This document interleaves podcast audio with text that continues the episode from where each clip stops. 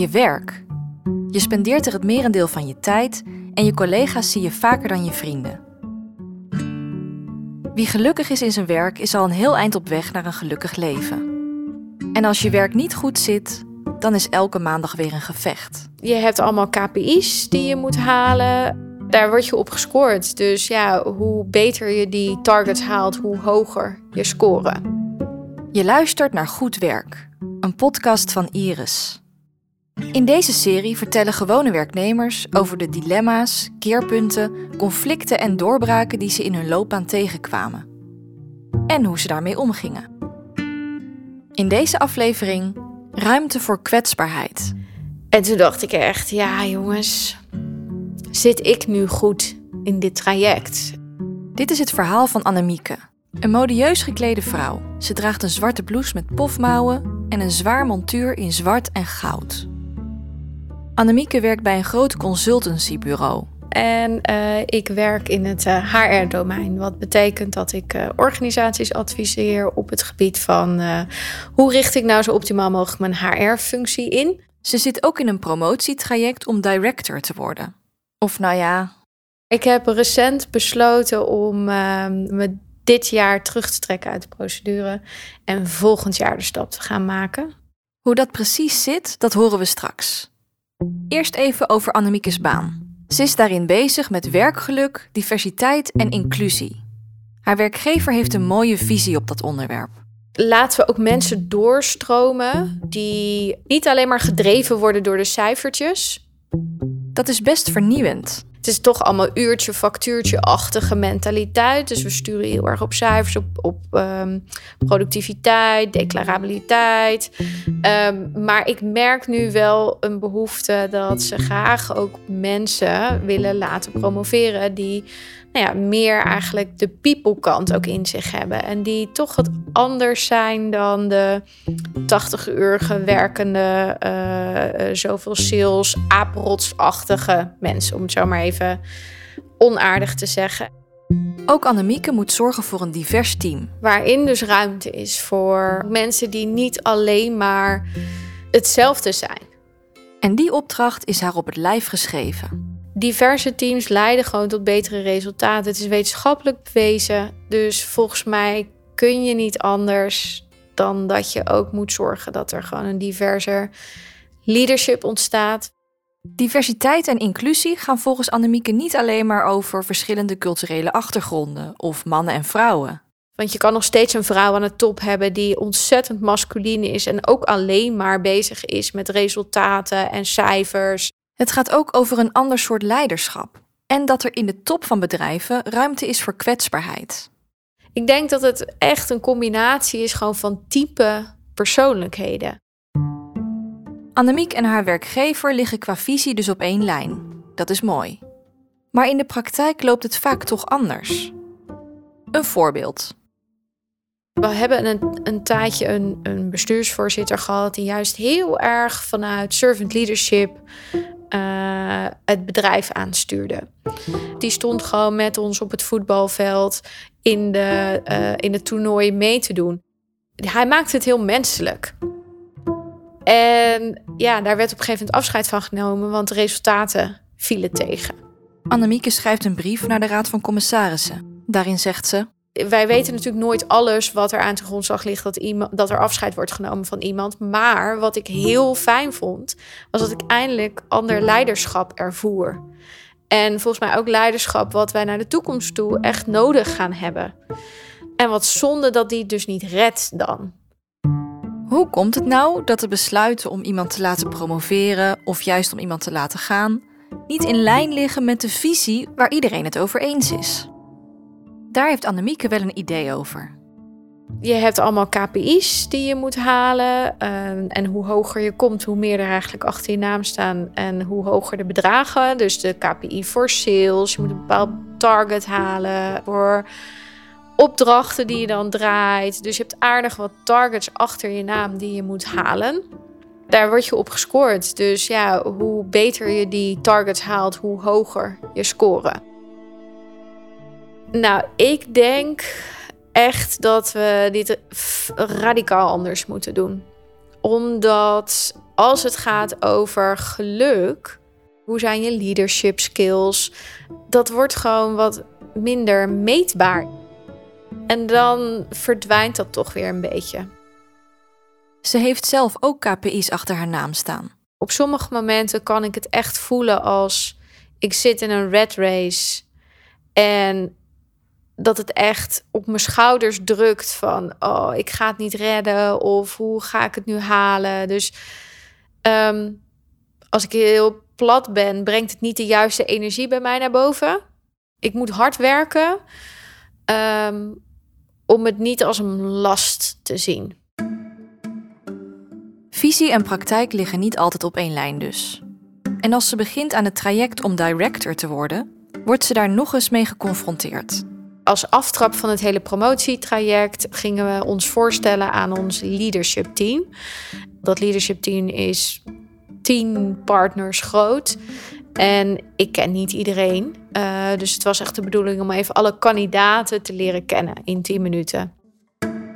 Het was digitaal, dus ik had, uh, ik had 12 schermpjes op mijn laptopscherm. Uh, van mensen. Ja, ze zeggen wel, nou, het is gewoon een kennismaking. Maar dat, het, is, het, is, het is wel gewoon de auditie die je doet. Vooral omdat ze na de kennismaking nog feedback zou krijgen dan is het niet gewoon even leuk kennismaken met mij. Want jullie gaan het bespreken en jullie gaan aandachtspunten meegeven. Dus het was wel een soort auditie. En er was gevraagd zoals het een goed consultiebureau betaamt. Je kreeg een template en daar kon je je verhaal in, uh, je voorstelverhaal in, uh, in opschrijven.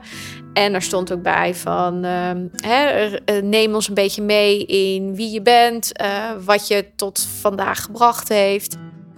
Ik heb nogal een bijzonder verhaal, want ik heb tot twee keer toe ben ik ernstig ziek geweest. De eerste keer was in 2015 en de laatste keer was in 2019. En dat zijn wel echt momenten geweest in mijn leven die mij wel echt gevormd hebben ook. Dus ja, ik heb daar een heel kwetsbaar persoonlijk verhaal verteld over wat ik heb meegemaakt, de impact daarvan. Die impact was groot en vooral op haar werk. Mensen die ernstig ziek zijn, kanker in dit geval, uh, die kunnen dan een soort epiphany hebben van, oh, ik ga ineens wat anders doen. Dit, uh, ik ga nu uh, mijn leven anders inrichten. Ik ga altijd doen wat ik altijd wilde. Nou, ik kwam erachter dat ik al deed wat ik graag wilde, alleen nog niet voldoende. Dus na de eerste keer had ik besloten van, nou, ik wil me echt richten op HR. En toen heb ik intern samen met twee collega's zijn wij een HR-team hebben we opgezet. Dat bestond nog niet bij ons. De tweede keer, toen kreeg ik zelfs het scenario te horen van misschien word je niet meer beter. Uh, of je wordt wel beter, maar dan moeten we je hele kleine bekken eruit. En met twee stoma's permanent. Gelukkig is het scenario 2 uh, heeft plaatsgevonden, maar dat betekent dat ik met twee stoma's leef. Dat betekent dat ik uh, in de ochtend met mijn stoma's. Je bent, ja, je wilt niet zeggen je bent beperkt, maar je bent het ook wel. Uh, je ziet het verder ook niet aan mij, maar het is er wel. Het maakte haar nog gedrevener om zich in te zetten voor werkgeluk, zowel binnen haar team, voor zichzelf als voor haar klanten. Omdat die impact van het ziek zijn doorwerkt naar alles, kon ze het niet weglaten in een presentatie. Bovendien past het bij haar eigen visie je werk moet een veilige plek zijn waar het loont om je kwetsbaar op te stellen en waar je echt gekend wordt door je collega's. Ja, misschien bijna een soort missie dat ik denk, ja, we moeten hier ook veel meer het gesprek over gaan voeren over gezonde en gelukkige medewerkers. Want dat is, bottom line is dat gewoon het belangrijkste.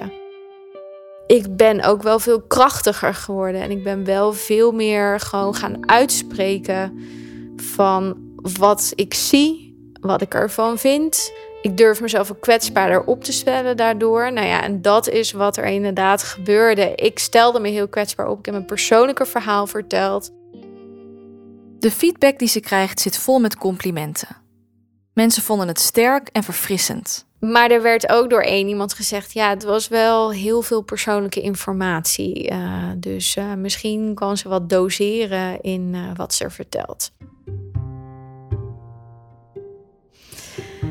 En toen dacht ik echt, ja jongens, we willen um, een bepaalde cultuur. En als het gaat over diversiteit en inclusiviteit, ja, dan, dan moeten we ook ruimte geven aan mensen. En dan gaat het er ook om kwetsbaar zijn. Dan gaat het er ook om, ik wil graag weten wie jij bent. Jij als persoon.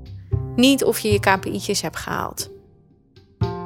Het was maar één kritische opmerking tussen een heleboel positieve feedback, maar toch voelde het als een koude douche.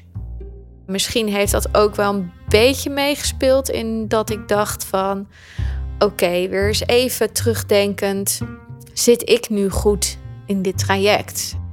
Daar komt bij dat ze een hele drukke periode achter de rug had, waar ze nog flink vermoeid van was. En toen dacht ik, ik zit er helemaal niet goed in en ik wil dit traject wil ik op een goede manier doen. En ik wil het ook om de juiste redenen doen.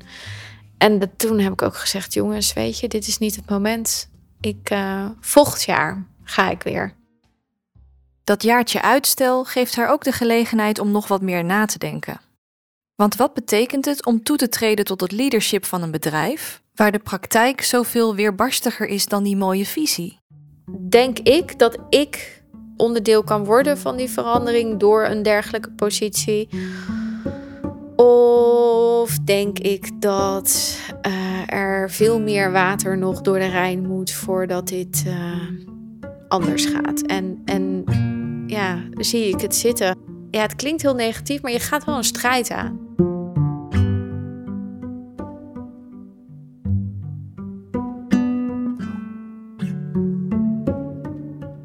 Luisterde naar Goed Werk, een podcast die je wordt aangeboden door MZ Services, Geerts en Partners en ABGL. Samen zijn zij Iris. Zij stimuleren mensen zelf de leiding te nemen en zo boven zichzelf uit te stijgen en hun volledige potentieel te benutten. Met strategie, creativiteit, ervaring en een mensgerichte aanpak brengen ze medewerkers en organisaties verder. Interviews en montage Lotte van Galen. Research Iris Cohen. Techniek Arno Peters. Veel dank aan Annemieke.